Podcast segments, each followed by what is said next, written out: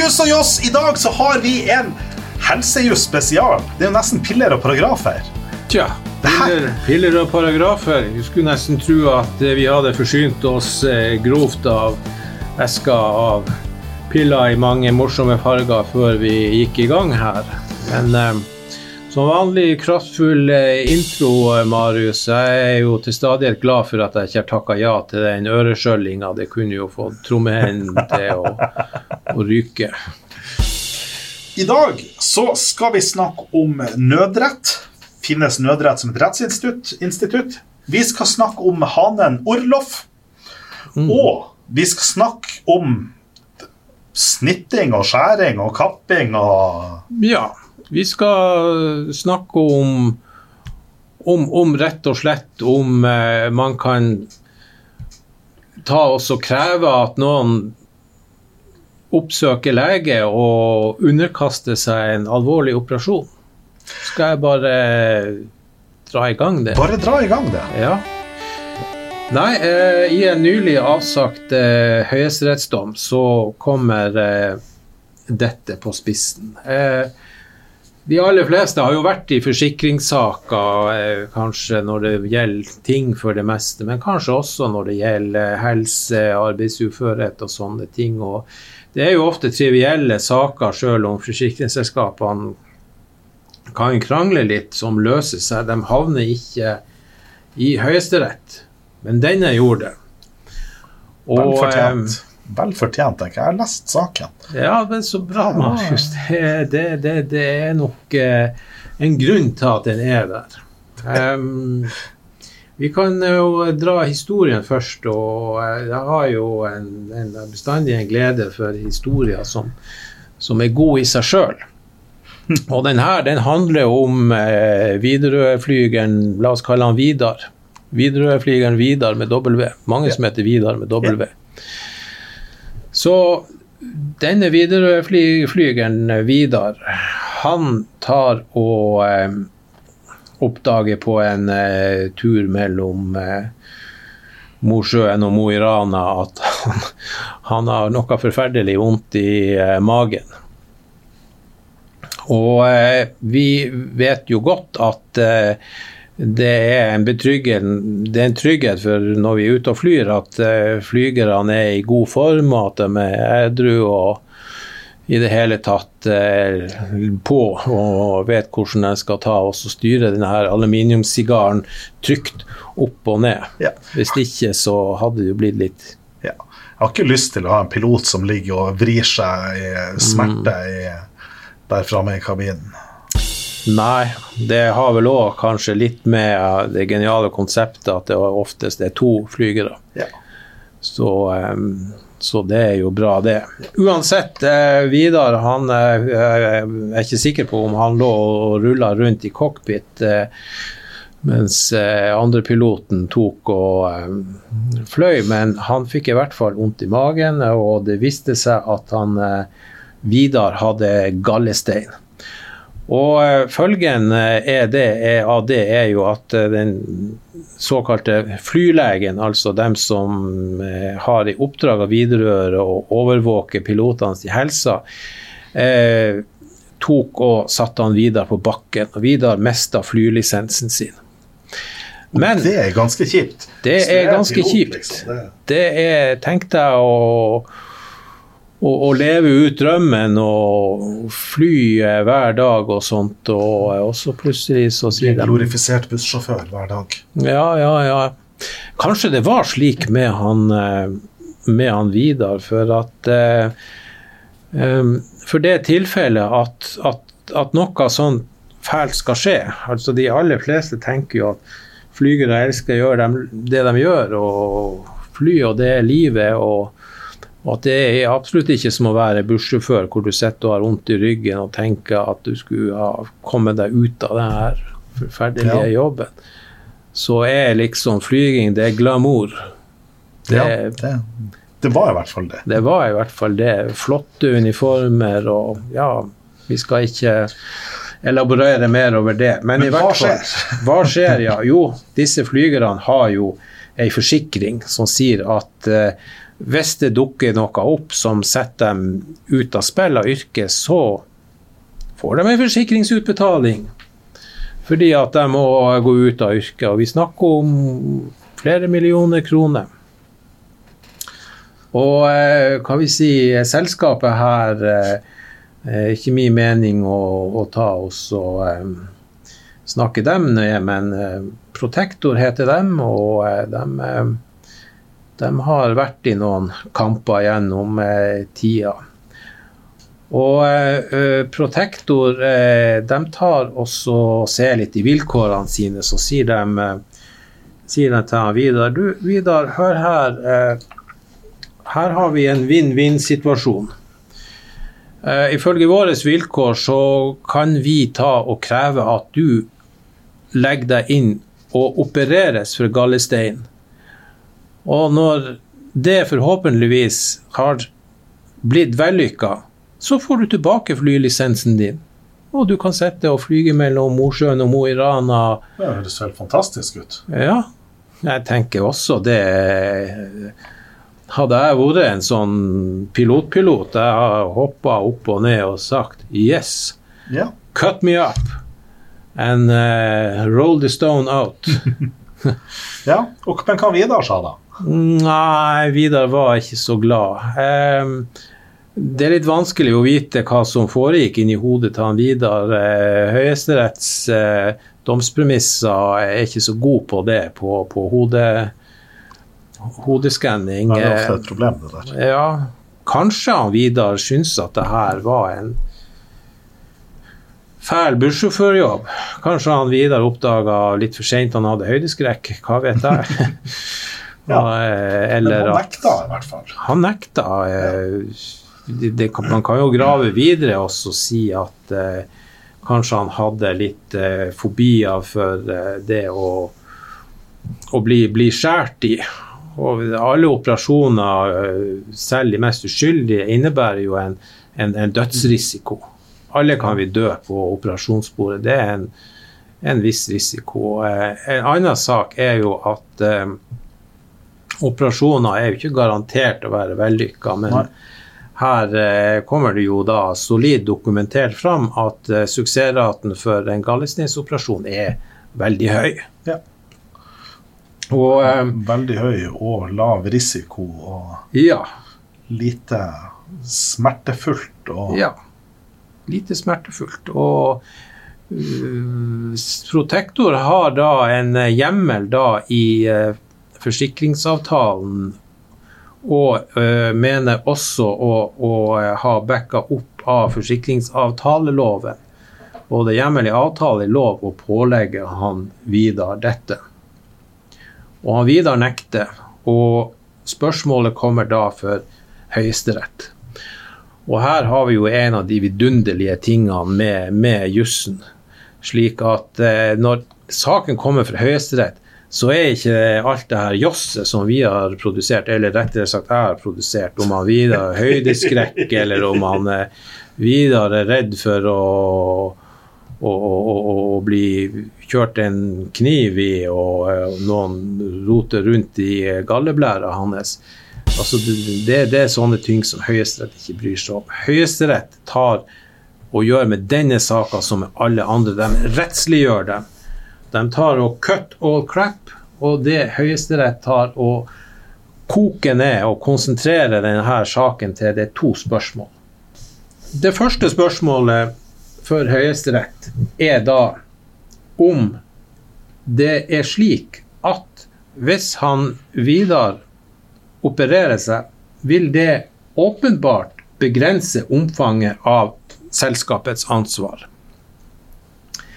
Dette spørsmålet tar eh, Høyesterett også ganske raskt kommet fram til et svar på at eh, eh, raskt og raskt, altså Høyesterett gjør jo selvsagt en grundig vurdering. det fins ingen snarveier i Høyesterett, så det, det, det, kom litt feil ut. Men eh, de konkluderer ganske greit med at eh, eh, slik forholdene er med suksessraten for denne type operasjoner, så vil det at han Vidar får tilbake flylisensen sin, spare en erstatningsutbetaling på flere millioner for selskapet. Det er åpenbart at det vil føre til en begrensning av selskapets ansvar.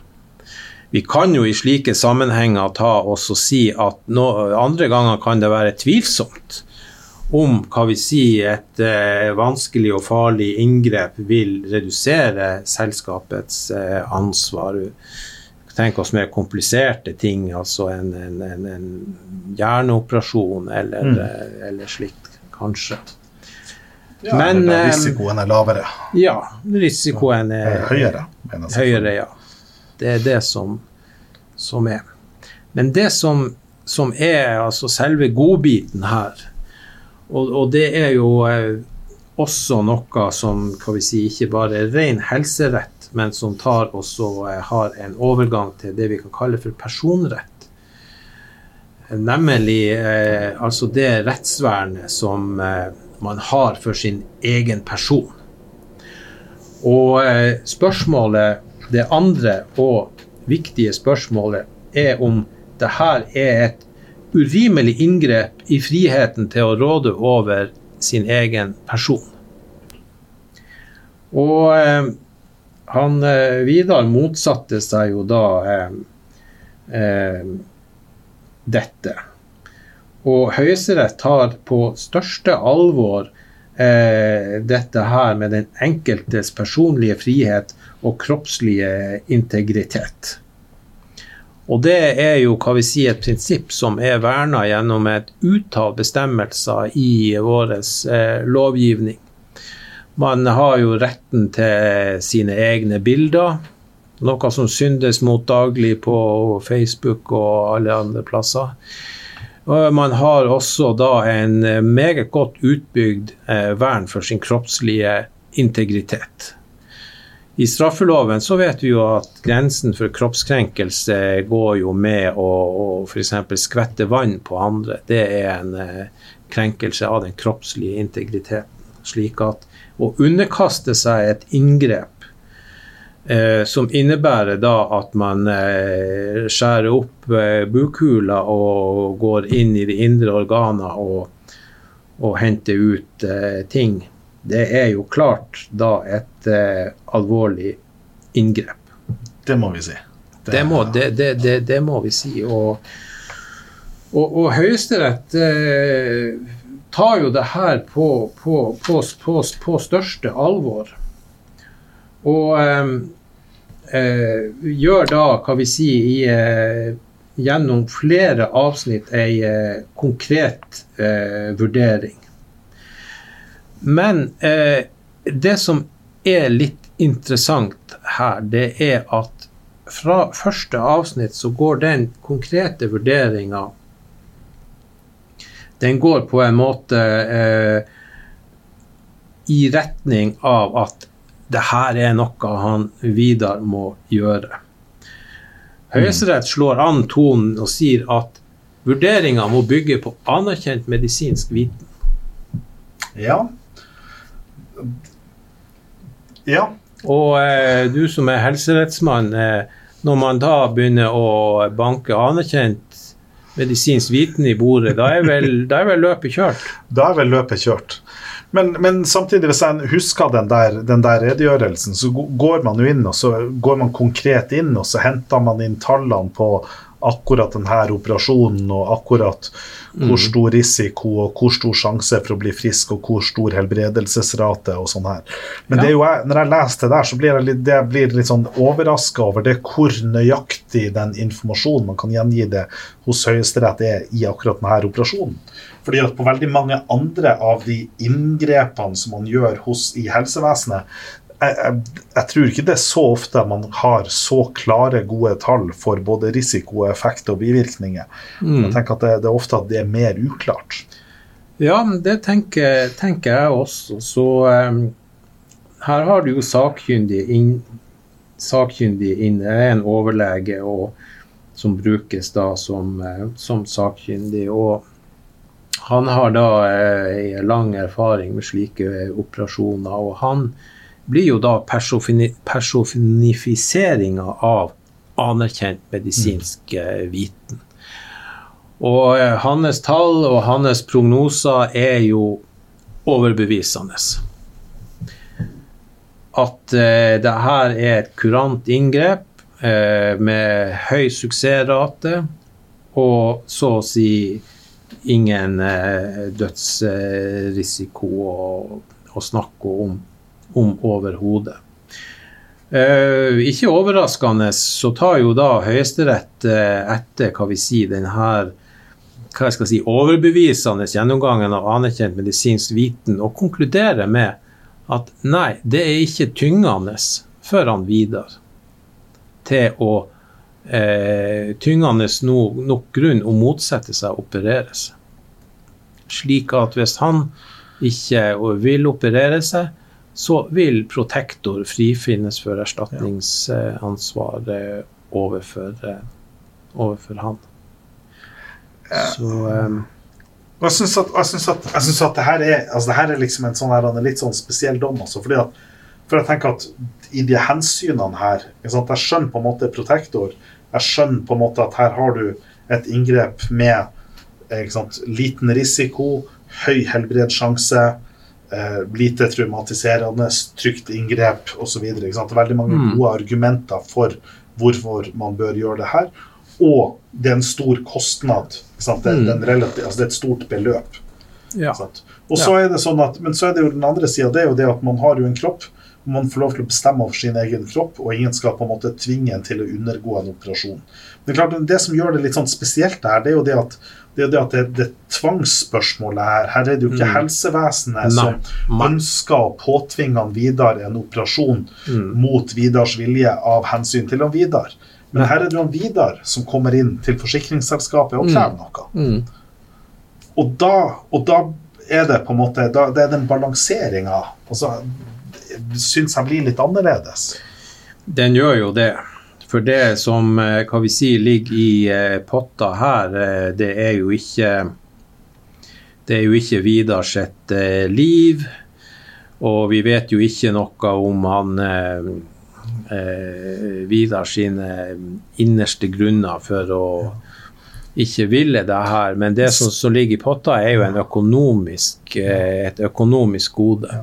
Jeg syns det sto et eller annet i dommen, hvis jeg husker det rett, om at han, om at han Vidar hadde tidligere en gang vært underlagt en operasjon, og det hadde vært et stort traume forbundet med mm. det, og hvor han mm. hadde vært redd under oppvåkninga og sånn. Mm. At han hadde på en måte en sånn, en sånn, en sånn frykt, personlig frykt i forhold til det.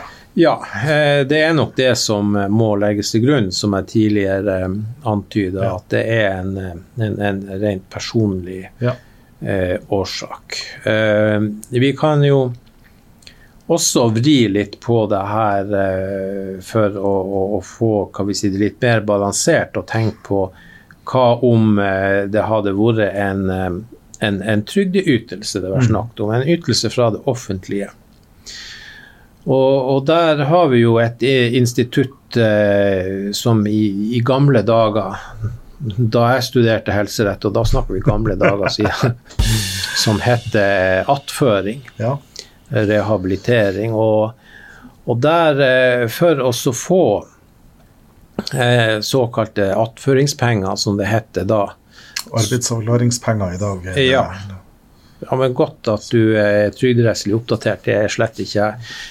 Så krevde jo det offentlige satte vilkår at du måtte ha eh, gjennomgått hensiktsmessig behandling. Ja. Og, og, gjorde du ikke det, så var, var, det ikke snakk om. Da fikk du ikke noe trygd. Så da kan man jo overføre det på, på det tilfellet her og si at er det nå egentlig så urimelig av protektor å stille disse vilkårene at han eh, Vidar skal eh, igjennom behandling før man endelig sier at mm. eh, flygelivet er over for mm. han eh, Vidar og sånt. Ja. Siden når det er et forsikringsselskap, så har vi kanskje lett for oss å bli litt, litt, eh, litt, litt Kanskje litt forutinntatt. Jeg vet ikke. Men jeg syns det, det, er en god, god, god, analogi. Og det er klart man ser på Nå har jeg jo tilfeldigvis også lest den, den, rettspraksisen som er i forhold til arbeidsavklaringspenger og sånn. Og når jeg på en måte tenker på den, så er jeg nokså sikker på at hvis denne saken hadde kommet til Høyesterett med et spørsmål om arbeidsavklaringspenger eller trygdeytelser, så tror jeg ikke han Vidar hadde vunnet fram der heller. Mm. Det, Mm. jeg tror nok at dette, dette kravet om å underlegge seg medisinsk behandling, at det nok ville ha trumfa. Men, men eh, Mm. det, hvis noen av lytterne våre mener at jeg, at jeg tar feil der, så er jeg glad for innspill på det. Ja, det kan jo sikkert mange av lytterne våre som, Ja. Som er uenig i det vi sier, eller syns at det er superdumt. Kanskje mest det siste. Men eh, Marius, vi, eh, vi får eh, ta og, og forlate han eh, Vidar, som nå enten ligger og rehabiliterer seg etter gallesteinsoperasjon eller står i Nav-kø, og heller ta og høre om den her eh, mystiske hanen. Du har til og med tatt med bilde av den. Er den ikke pen? Eh, flott hane. Det er altså, det er altså en, en fantastisk Nå har vi et helt galleri av ham. Ja da, ja da. Nydelig. Altså det, som, det som skjer, det er at i 2015 så kjøper Heidi og Hans Petter Bernholt seg kommer seks høner. Eh, og de seks hønene altså de bor jo i et, i et De bor i Halden, og de bor på en måte litt sånn i et byggefelt der. Og, og når jeg sier navnene deres, så er det fordi at de sjøl har gått ut til, til media, til lokalavisen, sikkert Halden Arbeiderblad eller noe sånt, um, og, og uttalt seg der. Så da tenker jeg det at de er komfortable med det. Så um, saken din er noe som den eneste instansen de har vært innom, er kommentarfeltene i Halden Arbeiderblad. Nei, han er jo tross alt kommet opp Jeg er kommet, opp til en avgjørelse fra Halden tingrett. Så jeg er ikke på, er ikke på høyesterettssporet. Men jeg tenker at det, la, oss ta en, eh, la oss ta en tingrettssak. Men det som, det som skjer samtidig som de får inn de her seks hønene sine, det er at de har en liten eh, nabokonflikt. Og vi vet ikke noe om karakteren av denne nabokonflikten. Vi vet at det er på en måte, det er noe skurringer mellom dem og, og den ene naboen. Og når de her seks hønene blir større, så viste det seg det at ei av disse hønene eh, var en hane. Nettopp. Nettopp, nettopp. Og så er det jo sånn at haner og høner de oppfører seg jo litt forskjellig. For at høner Det er ofte måte, altså det er mye mer lyd fra høner. fordi at de skvaldrer, og de prater og de bråker og sånn her. Mens hanen han setter ned foten og tar den der velkjente hanegalinga si, og så gjør han det noen ganger i løpet av dagen. Her må vi være forsiktige med allegoriene. Ja, det må vi være. Um, og, og jeg har Jeg har jo ei, ei fantastisk hytte. um, men rett ved siden av hytta mi, der er det da en hønsegård. Sånn at jeg hører den hanegaling, jeg hører de lydene. Og jeg må si at jeg har vært sånn overraska over for et lavt volum det er på dem. Jeg hadde liksom trodd at hanegal at det skulle være noe ordentlig plagsomt. Men det er altså sånn at jeg, jeg fra min hytte, som da er noen, noen jeg vet ikke hva det kan være, 20 meter ifra en hønsegård, så er det sånn at jeg, jeg, jeg er ikke plaga ut av dem. Men så kan vi spørre hva er grunnen til at jeg ikke er plaga ut av dem. Og det kommer vi tilbake til. Men det som da skjer her, det er at han, han Orlof, som den hanen der da blir heitende eh, Og Orlof, det er jo Vet du hva Orlof er? Hvor det kommer ifra? Har du et Mm, som mannsnavn eller som begrep? Som eh, begrep? Mm, ord, ordlov er noe med tillatelse. Ja, det, det skulle man tro, men det er faktisk en hønerase som heter Orlof. Mm. Så her har du en hønerase som heter Orlof, og så har du en hane som da heter Orlof. Så jeg tenker at her er det vel ikke usannsynlig at han Orlof er av eh, Orlof-rasen. Mm. Grei antagelse. Grei antakelse. Ja. Men så er i hvert fall det som da skjer, det er at, det at den naboen den klager da inn til, til, eh, til Halden kommune og sier det at, sier at han Orlof han br br bråker så mye at det er til helseskade for oss. Og så kommer kommunen inn, og så vurderer de da denne helseskaden, og så tar de da utgangspunkt i folkehelseloven paragraf 14. Og så sier man det at ja, eh, støy det kan jo være en helseskade. Um, og støyen fra en hane det kan jo være helseskadelig, og så beslutter kommunen en, en, en avgjørelse om at, han, at, om at han Orlof må fjernes. Og fatter en beslutning om at det, skal, at det skal være dagmulkt fra en eller annen dato hvis han fortsatt er der. Um, men Orlov sine, sine forkjempere de, de klager det her inn til Fylkesmannen, og Fylkesmannen vurderer saken. Eh, altså kommunen får selvfølgelig vurdert intern omgjøring, Fylkesmannen vurderer saken, fastholder vedtaket, og så kommer da selvfølgelig saken opp til Halden tingrett.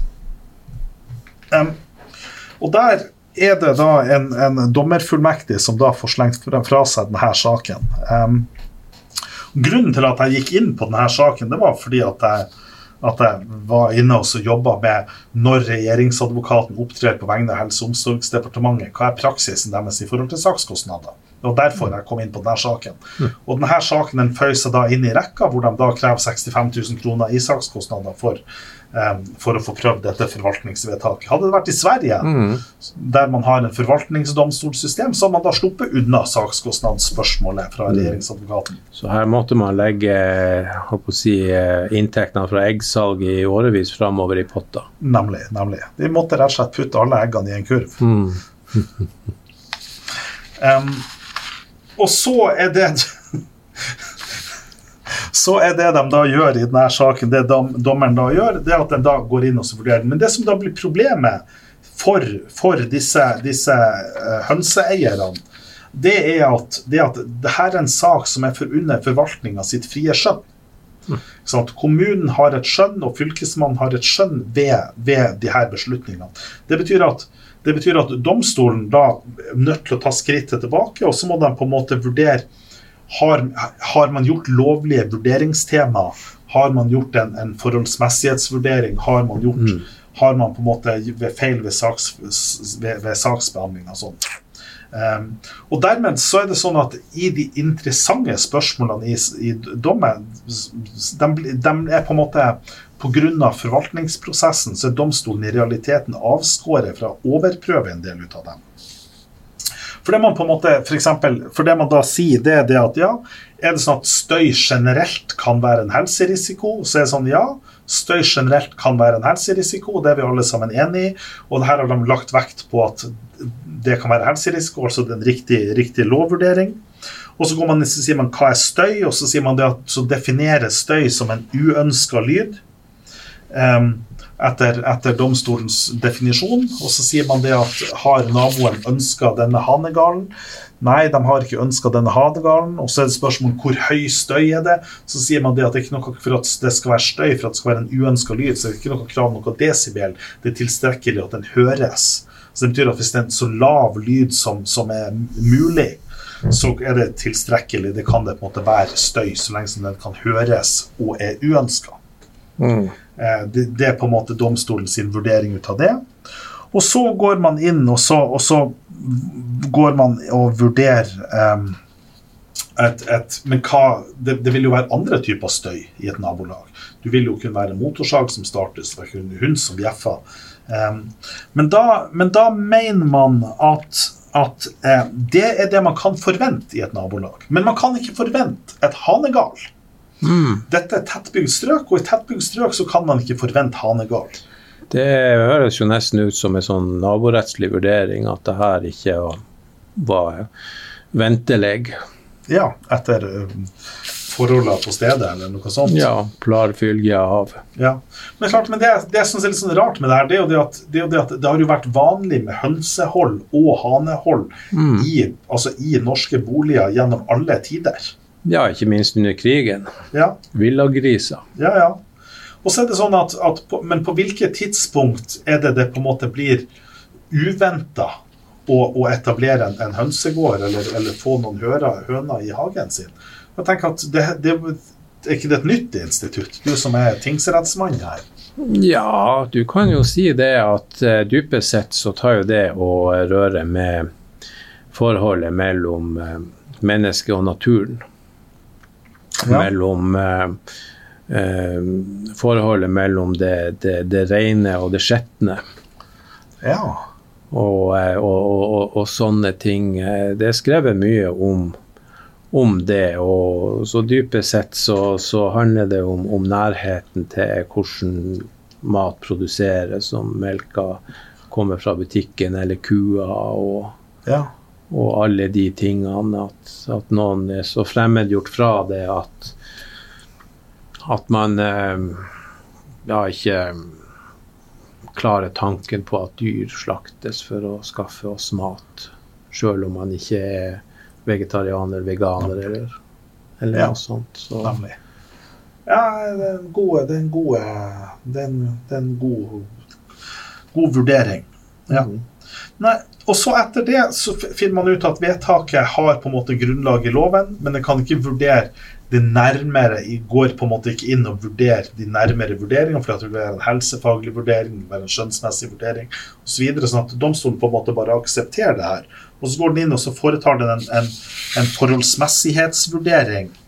Og i den forholdsmessighetsvurderingen så sier den det at, at da må man på en måte veie det opp imot helsegevinsten på en måte ved å ta bort denne her han, sammen med ulempen ved å ta bort han. Og så sier den det at, at fordi at den her til en helsemessig vurdering, dette med den her han, um, så må på en måte det legges vekt, men du kan ikke vurdere hvor stor helsegevinsten er, fordi at det er jo et skjønnsspørsmål som domstolen ikke kan vurdere. Men jeg må si at her er det en helsegevinst. Og så sier man det at så er det lite inngripende å ta denne hanen bort, fordi at den kan jo bare flytte seg en annen plass.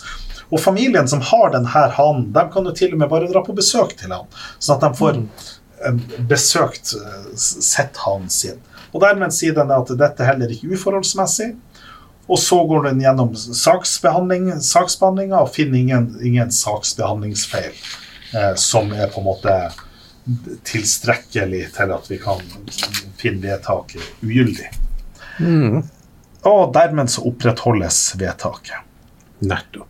Men det jeg syns er det, det som er liksom det interessante her, som, som, jeg, som jeg liksom ikke helt klarer å vri meg fra i det her, det er jo at, det er at her har du en nabokonflikt som ligger i bunnen. Mm. Her har du nabokonflikt, noen får en hane, og så er det sånn at ja, men jeg har hatt en hane i nabohuset.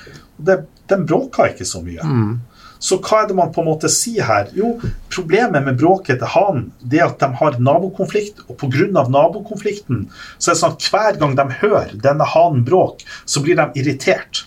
Og denne irritasjonen, når Ja. de hører den, den kan ha en negativ helseeffekt. Og denne, det er denne negative helseeffekten som har betydning her, og det er den Ja. negative helseeffekten som på en måte får en betydning hele løpet gjennom. Ja, men det er jo artig at eh, det framkommer jo ikke det. Man tar jo og rettsliggjør saken, hva vi sier, eh, helserettslig som et støyproblem. Ja. Men, men det er klart, men det kommer, altså det nevnes den her nabokonflikten, og det, og det Mm. som vektlegges i det, det er den irritasjonen ved, ved han, Mm. og at det er uforutsigbart på hvilket tidspunkt det kommer i løpet av, Mm. i løpet av dagen. Ja, naborettslig så kan man si at eh, at det her eh, høne-hane-holdet det var til ugagn eller uhugnad. Men, men, men så tenker jeg OK, men, men hvis jeg hvis hvis jeg nå har lest denne dommen, dommen rett, så betyr det at hvis, hvis herr og fru eh, Hva var de heter for noe, de, de som hadde han Orlof Hvis de istedenfor å få en Orlof, hvis de da hadde heller fått seg en, en hund som de da hadde plassert Mm. utenfor huset på, på sida mot naboen, som hadde stått ute og bjeffa til alle døgnets tider, så ville det vært en høyere støy, eller minst like høy støy. Det ville vært mer hyppig? Mm. mer omfattende, mer uforutsigbart, Mm. og ville nok skapt en like stor irritasjon. Kunne man da gått til sak og fått dømt eierne til å delta på TV-programmet som bølle til bestevenn?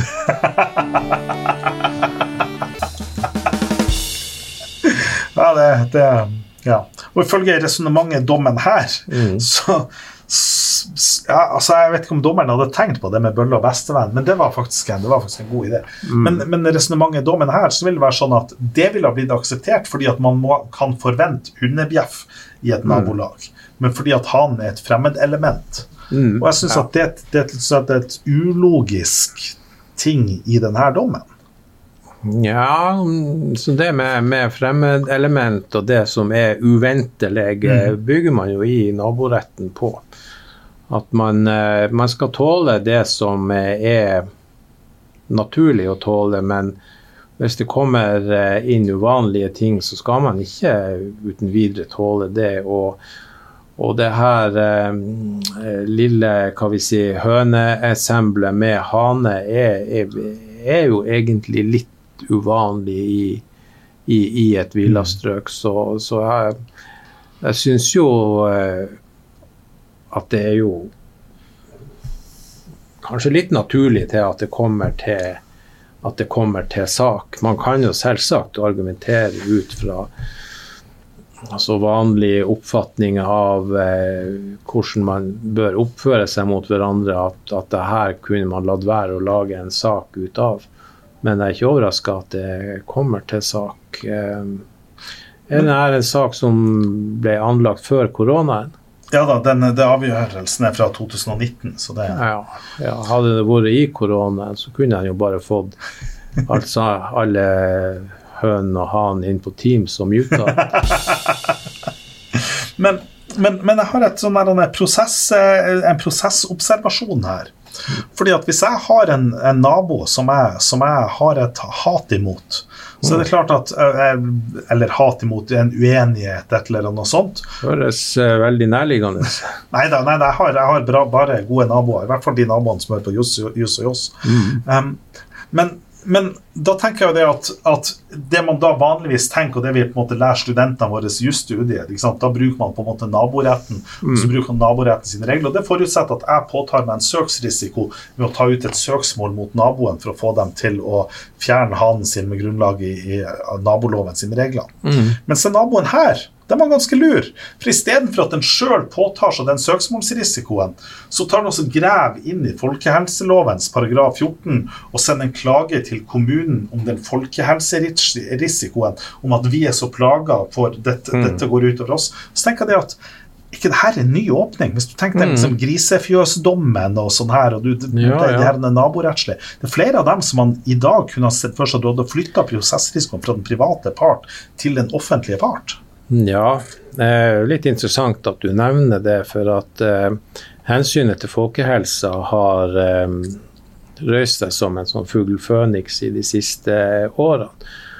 Og eh, faktisk så var jo eh, hensynet til folkehelsa lansert nå som et eh, hensyn i eh, vurderinga i den dommen om Stryken gård hvor eh, godseier Løvenskiold drev og kjørte ut tømmer til alle døgnets tider og forstyrra folket på Stryken gård. Ja. Og eh, de hadde jo eh, pussa kommuneoverlegen på Løvenskiold ja. pga. at det her var støy og støvplager. Men, men kommuneoverlegen fatta ikke et vedtak der, da? Jo, eh, han, han, han fatta et, et, vedtak om at eh, Løvenskiold måtte begrense eh, utkjøringa av, av, tømmer. Ja. Og, Så den saken den gikk da mellom det offentlige og Løvenskiold? Nei, den gikk imellom eh, oppsitterne på Stryken gård og Løvenskiold. Og når den kommer eh, for Høyesterett, så tar Høyesterett og og, og, sier at eh, folkehelsehensynet i en sånn ren tingsrettslig tvist faktisk eh, kan være relevant å ta i eh, betraktning. Men eh, i prinsippet så er forvaltningssaken da et eget spor. Ja. Men det er klart at, er klart at hvis, man, hvis, man, klarer å få overtalt kommuneoverlegen mm. til å fatte et vedtak med mm. hjemmel i denne loven, så ja. oppnår du ikke bare at du slipper risikoen for sakskostnader, mm. Men det gjør også det at, at, når denne saken kommer opp til Fylkesmannen, så vil Fylkesmannen vurdere at den vil være varsom med å overprøve kommunelegen sitt skjønn. Og domstolen vil også være, være, med, være varsom med å mm. prøve den. Det betyr, at, det betyr, at, hvis du på en måte lykkes på det sporet, mm. så, så avskjærer du domstolene sin mulighet til å overprøve saken. Absolutt, absolutt. Og vi som jo er eh, rettssosiologer også, blant alt annet morsomme vi driver på med. Vi kan vel nå ta oss og si med vår terminologi at her har vi avdekka en helt ny legalstrategi. Yes. Da går vi over til den neste legalstrategien, og det er bruk av nødrett når du mangler en lovhjemmel. Det høres ekstremt spennende ut. Kan man virkelig ta og, og bare si at eh, man har carte blanche og sier at nødrett løser alt, det skal vi få høre nærmere om nå. Ja, da har vi kommet så langt i programmet at eh, dagens eh, gjest står for eh, tur. Og eh, dagens gjest, det er hun eh, Stine Rørtveit. Eh, det er en gjest som du har funnet fram til, Marius. Kan du være så grei å fortelle oss hva som skal skje videre nå? Jo, nå skal vi snakke med Stine Rørtveit om nødrett. Finnes nødrett? Hva er nødrett? Og, og, finnes nødrett som et rettsgrunnlag? Hvordan kan det brukes? Hva er rammene for det? Hva slags forutsetninger har Stine Rørtveit for å snakke om nødrett, Marius? Stine Rørtveit hun har akkurat skrevet og levert en helt utmerket masteroppgave om emnet, der hun borer ned i alle de um, ulike delene av konseptet som er som er der. Og Derfor så tenker jeg at hun, hun kan opplyse oss og leserne våre om det. Uh, det hørtes eh, spennende ut. Veldig, veldig spennende ut. Jeg håper nå for guds skyld at hun hadde en god veileder. Ja, det hadde hun. Det hadde hun. Eller hvem vet. Men um, mm. Stine, hvem ja. er du? Velkommen hit til oss. Takk, takk skal du ha. Um, hvor, du holdt til i verden hen? Du, jeg, jeg kommer fra Jæren. Så jeg tok jo utdanningen min først i Kristiansand, og så var jeg hadde jeg to år i Bergen. Og nå er jeg, som du nevnte, kommet i mål med utdanningen min. Så nå sitter jeg på et uh, kontor her i Stavanger og har akkurat begynt å jobbe som advokatfullmektig. Ja, og så savner du allerede tilbake til lesesalene og til det å sitte og skrive og finne ut om nødrett og sånn her, eller, eller ja, det går det fortsatt? Veldig gildt. ja. Men hva er, hva er nødrett? Hva er nødrett, ja. Eh, på helt generelt grunnlag så jo, betyr nødrett at en rettighet står mot en annen, og at det i en veldig spesiell situasjon, i spesielle omstendigheter, så vil da den enkelte være da berettiget til å gripe inn i en rettighet som i det enkelte tilfellet veier ganske mye tyngre enn den andre. Eh, vil skal snakke litt om hvordan det slår ut i psykisk helsevern? Ja, men la oss, la oss før, vi, før, vi, går inn til psykisk helsevern, la oss ta på en måte For, for da er det spørsmål um, For nødrett, sånn som du beskriver det, så er det jo det noe vi vanlige mennesker da kan bruke og opptre med. Men ja. kan forvaltninga bruke nødrett? Ja. Det er jo det jeg har behandla i min masteroppgave. Og eh, min konklusjon på det, det er jo at nei, det kan de ikke holde på å si. Ikke som i kraft av å være myndighetene, holdt jeg på å si. Eh, men just, altså, nødrett har jo et veldig vidt nedslagsfelt, og det kan bli aktuelt i mange ulike situasjoner. Eh, så, så, Det er jo det jeg har fokusert på, da, men da i min masteroppgave så kutter det seg da til om det kan brukes som et offentlig rettslig inngrepsgrunnlag da, i enkelte situasjoner. Ja, nemlig. For det er klart at Vi kan jo tenke oss et offentligrettslig inngrepsgrunnlag. Altså, da snakker vi da i eksempelet det du har brukt i masteroppgaven, det er da innenfor psykisk helsevern. Da er det da en pasient som er inne i en institusjon. Institusjonen, eh, dem som jobber på institusjonen, ser at her oppstår det en eller annen situasjon hvor man ønsker å gripe inn, hvor man mener at her er det en sånn nød, nød, nødsituasjon. Og så mener man det at her må man på en måte gripe inn. Og så har man da, mangler man da et rettsgrunnlag for det her i lovene. Og så sier man ok, men da lovgiver har ikke regulert det, eller lovgiver har valgt å ikke gi et rettsgrunnlag, så da griper vi da til dette nødrettsinstituttet. Ja. Har vi fått, fått forklart det her, Gunnar? Er det forståelig så langt? Ja, jeg syns jo absolutt at det er forståelig. Ehm, vi kan jo kanskje har sagt at eh, nødrett er jo eh, litt forskjellig når det gjelder eh, rent strafferettslig eh, nødrett. Ja. Det å eh, ta også eh, gripe inn for å berge noen fra skade på liv og helbred, der man krenker annen interesse. Mens man her snakker om, slik jeg har forstått det, nødrett som et forvaltningsrettslig eh, kompetansegrunnlag.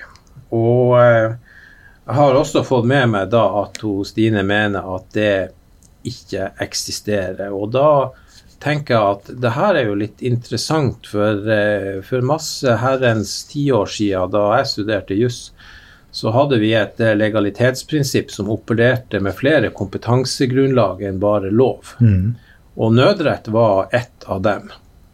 Så tenkte jeg hva er, hva er det her slags tull, hvis jeg nå eh, eh, gikk tilbake til min gamle innlærte kompetanse? Men Så tenker jeg hm, det er nok kanskje slik at verden har forandra seg litt siden den Yes. gang jeg studerte. Yes. Og da slo det meg hm, hvilke opplysninger har jeg om dette? Og da vet jeg at legalitetsprinsippet har blitt mye strengere Yes. siden jeg Nemlig. studerte. Nemlig. Og er det her det ligger en nødrettshund begravd? Ja, det er nok det. Hva som skjedde i 2014, Stine? Jo, I 2014, det skal jeg fortelle deg, da ble det forvaltningsrettslige legalitetsprinsippet grunnlovfesta i Grunnlovens paragraf 113.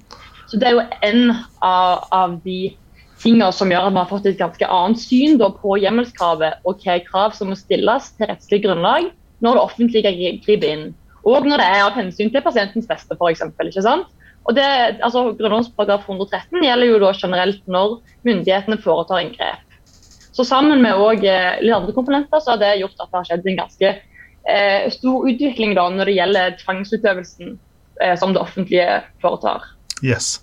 Men la oss gå inn på, på den andre komponent, og da tenker vi jo da på menneskerettsloven og, og, og EMK-praksis og sånn. Hva, hva er det som har skjedd der?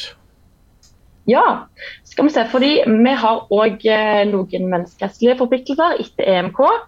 Eh, og det gjelder et lovkrav etter EMK. Fordi eh, nødretten den griper inn i noen goder og friheter som har et menneskerettslig vern etter EMK. Og her stilles det krav til at inngrep som skjer av det offentlige, må være i samsvar med loven. Yes. Og så Det betyr eh, at eh, ulike former for inngrep må være omkransa av såkalte rettssikkerhetsgarantier for at det skal være lovlig etter EMK. Nemlig. Og det er jo for å, for å Hvis vi da tar sant, Grunnlovens 113, ikke sant, så når den da bruker begrepet lov, så henviser den jo utgangspunktet da til en, til en formell lov.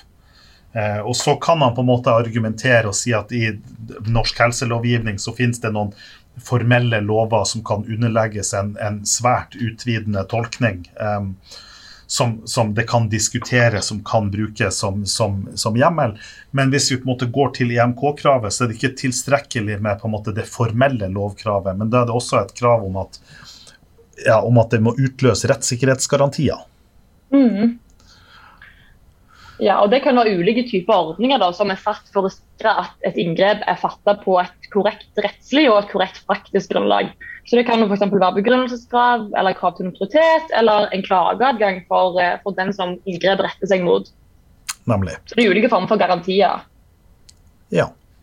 Um, men, men hva vet vi om hvordan nødrett brukes i dag i Norge? Ja, Som jeg nevnte, så har jo nødretten veldig vidt nedslagsfelt. Eh, og det brukes jo både når eh, fysisk og psykisk helsehjelp gis eh, uten en pasient sitt samtykke. Så min oppgave konsentrerer seg jo hovedsak om psykisk helsevern, men som sagt, det skjer òg når det gis fysisk helsehjelp. Men skal jeg si litt om de to eksemplene jeg har Ja, meg av? det kan du gjøre.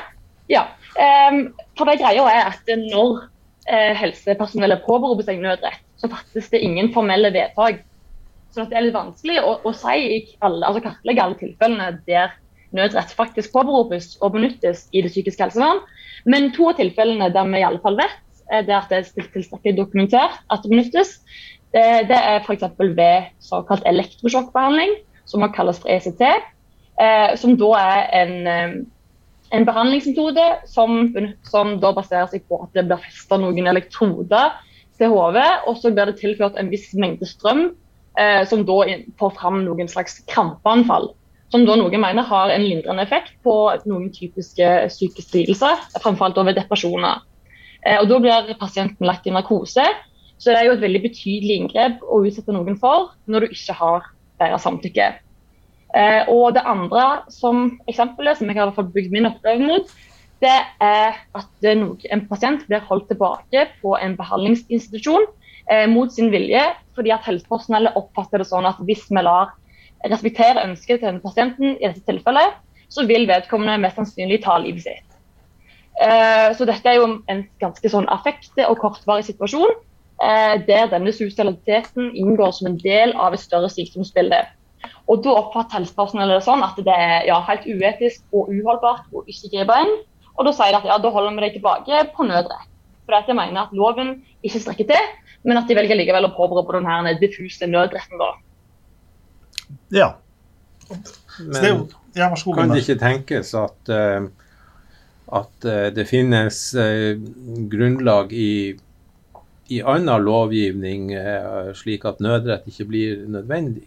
Det var et godt spørsmål, Gunnar. Hva du sier til det, Stine? Det var et godt spørsmål, ja. ja for det, i, i, praksis så er det flere ulike grunnlag som har blitt henvist til når de sier nødrett. For det er jo som sagt en veldig sånn diffuse ting å påberope. Sånn, ja, hva er nødrett, liksom? Eh, så En av de her tilfellene da, det har vært straffelovens paragraf 17 om nødrett, som da er et helt generelt frifinnelsesgrunnlag. Og så har det òg vært eh, en hjemmel i helsepersonelloven som oppstiller en plikt til å yte øyeblikkelig helsehjelp. Og så har det òg vært diskutert om det kan være en ulovfesta forvaltningsrettslig nødrettsnorm, som da er bygd på sedvane som kan benyttes. Eh, så, jo, jo, så De tre grunnlagene her er jo alle tre utenfor psykisk helsevernloven. Ja, Men den strafferettslige nødrettsnormen, jeg, ser jo at, at, eh, det henvises jo altså at Helsedirektoratet har jo bl.a. henvist til den strafferettslige nødrettsnormen og sier at her kan man gjøre dette inngrepet, og begrunner det med den strafferettslige nødrettsnormen. Hva du, hva du mm. tenker om det? Nei, Jeg tenker at det er en ganske uholdbar rettstilstand.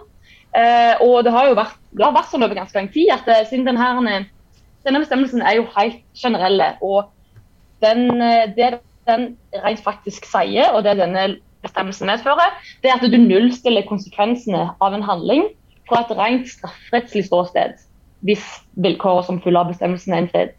Men den sier, det den sier, det er at en handling er lovlig, at den ikke kan bli belagt med straff. Men den sier ingenting som helst om et inngrep er gyldig utøvelse av forvaltningsmyndighet eller ikke. Ja. Så Det spørsmålet må vi på en måte løse på et annet grunnlag, og da kommer jo de med kravene som følger av EMK sitt lovkrav og av legalitetsprinsippet inn. Så rettskildene og praksis har fokusert veldig lite på liksom forskjellen mellom spørsmålet om straffrihet og hjemmelsspørsmålet, når de da bare har henvist til straffeloven. Nemlig. Og det er, jo, det er jo, interessant, fordi da vil man jo kunne si at ja, der, der, straffeloven sine vilkår er oppfylt, og helsepersonellet handler, så må vi jo da kunne slå fast at helsepersonellet som sådan ikke kan straffes. Men det at helsepersonellet ikke kan straffes, det er jo et annet spørsmål enn om at forvaltninga har et rettslig grunnlag for å gjøre dette inngrepet. Absolutt. Um, og da er vi over på, på skal vi se på, på helsepersonelloven paragraf 7, da. Ja. Øyeblikkelig hjelp-regelen. Kan, kan, den anvendes? Skal vi se. Ja, den har jo òg blitt benytta for uh, ulike typer bruk av nødrett. Si. Og det denne her bestemmelsen oppstiller, det er en plikt til å gi øyeblikkelig hjelp.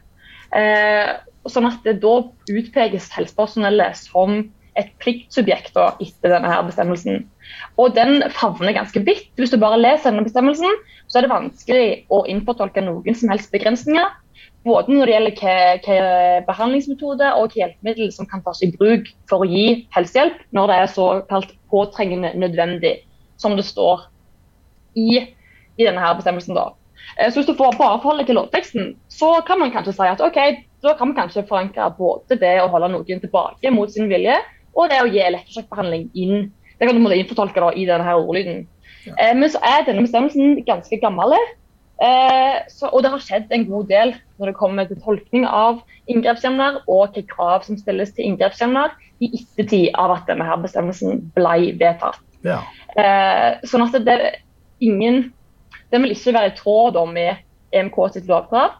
For det gjelder ingen krav til begrunnelse når inngrep foretas i medhold av paragraf 7 i helsepersonelloven. Og i praksis så blir òg klageretten bli frarøvet, eh, siden det ikke gjelder noe krav til begrunnelse. eller noe sånt. Sånn at den vil da ikke passere på en måte EMK sitt lovkrav. Og I tillegg så er det jo ganske stor forskjell egentlig på en handleplikt som paragraf 7 i helsepersonell oppstiller, og liksom det vi tradisjonelt da tenker er nødrett.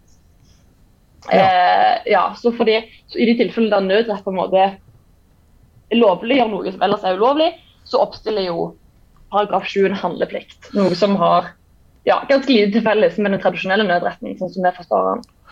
Men, men vi prater om den akutte suicidaliteten. Så når da en pasient er inne på en psykiatrisk avdeling, og avdelinga sier at ja, det, det, bortsett fra at du på en måte sykdommen din gjør at du gjerne vil ta livet ditt, så er det ikke noe annet som er galt med deg. Altså, du har ikke en schizofrenidiagnose eller noe sånt, og ikke noe som tradisjonelt sett har blitt fortolka som en alvorlig sinnslidelse, og pasienten sier at nå vil jeg skrives ut. Er det sånn at avdelinga da bare skal skrive ut pasienten, og så skal vi bare få selvmordstallene til å gå i været? Er det det som er løsninga? Nei, det er jo absolutt ikke det. Eh, sånn at i, eh, i, min oppgave så har jeg da argumentert for at det faktisk finnes grunnlag for å holde noen tilbake eh, i disse tilfellene, med hjemmel i psykisk helsevernloven paragraf 3-3. Um, for dette greia er på en måte at når de bare påberoper nødrett, så vil jo det på sett og vis hemme rettsutviklingen litt. For det, det som på en måte gjør at helsepersonellet her stopper opp og tenker at vi kan ikke benytte 3-3 i psykisk helsevernloven, som er liksom den tvangsinnleggelsesbestemmelsen som ellers bruker, det er at såkalt akutt suicidalitet ikke oppfattes å være en såkalt alvorlig sinnslidelse, som da er et grunnvilkår for å holde noen tilbake etter paragraf 3-3. Men spørsmålet om akutt suicidalitet er en alvorlig sinnslidelse, det står helt ubehandla av Høyesterett, og det er heller ikke avklart i, eh, i forarbeidene. De tar ikke opp problemstillingen. Sånn at I min oppgave så har jeg argumentert for at det er i tråd med alminnelig juridisk metode grunnlag for å argumentere for at i enkelte tilfeller så vil dette faktisk kunne anses som alvorlig sinnsidelse. Og da har du grunnlag i psykisk helsevernloven for å holde noen tilbake mot sin vilje. Og denne, denne bestemmelsen den har også veldig mange rettssikkerhetsgarantier, noe som gjør at et inngrep i, altså etter paragraf 3-3 vil både være i tråd med legalitetsprinsippet og med MK sitt lovkrav. Så det viser jo bare konsekvensen av at, eh, at nødretten ble påberopt, er at det måtte ikke ting forblir uavklart, på seg, og ting når ikke fram til lyset. Ja. Da tror jeg vi var sånn eh, høvelig gjennom på tida vår. Ja da. Jeg er bestandig eh, imponert av å høre noen som kan hva vi sier sitt ikke bare fag, men også sitt emne så godt at eh, jeg tenker at da får man bare lene seg tilbake og lytte og, og, og lære av det som blir sagt. Så jeg, jeg tror at i dag så har vi lært mye. Både meg sjøl og meg sjøl. da sier vi eh, takk for at dere har hørt på Juss og Joss. Takk til Stine Rørtveit, og takk til Per Frank Hansen, vårt fantastiske tekniker. Hilsen oss i Juss og Joss. Podkasten Juss og Joss produseres i samarbeid med Result på Universitetet i Tromsø.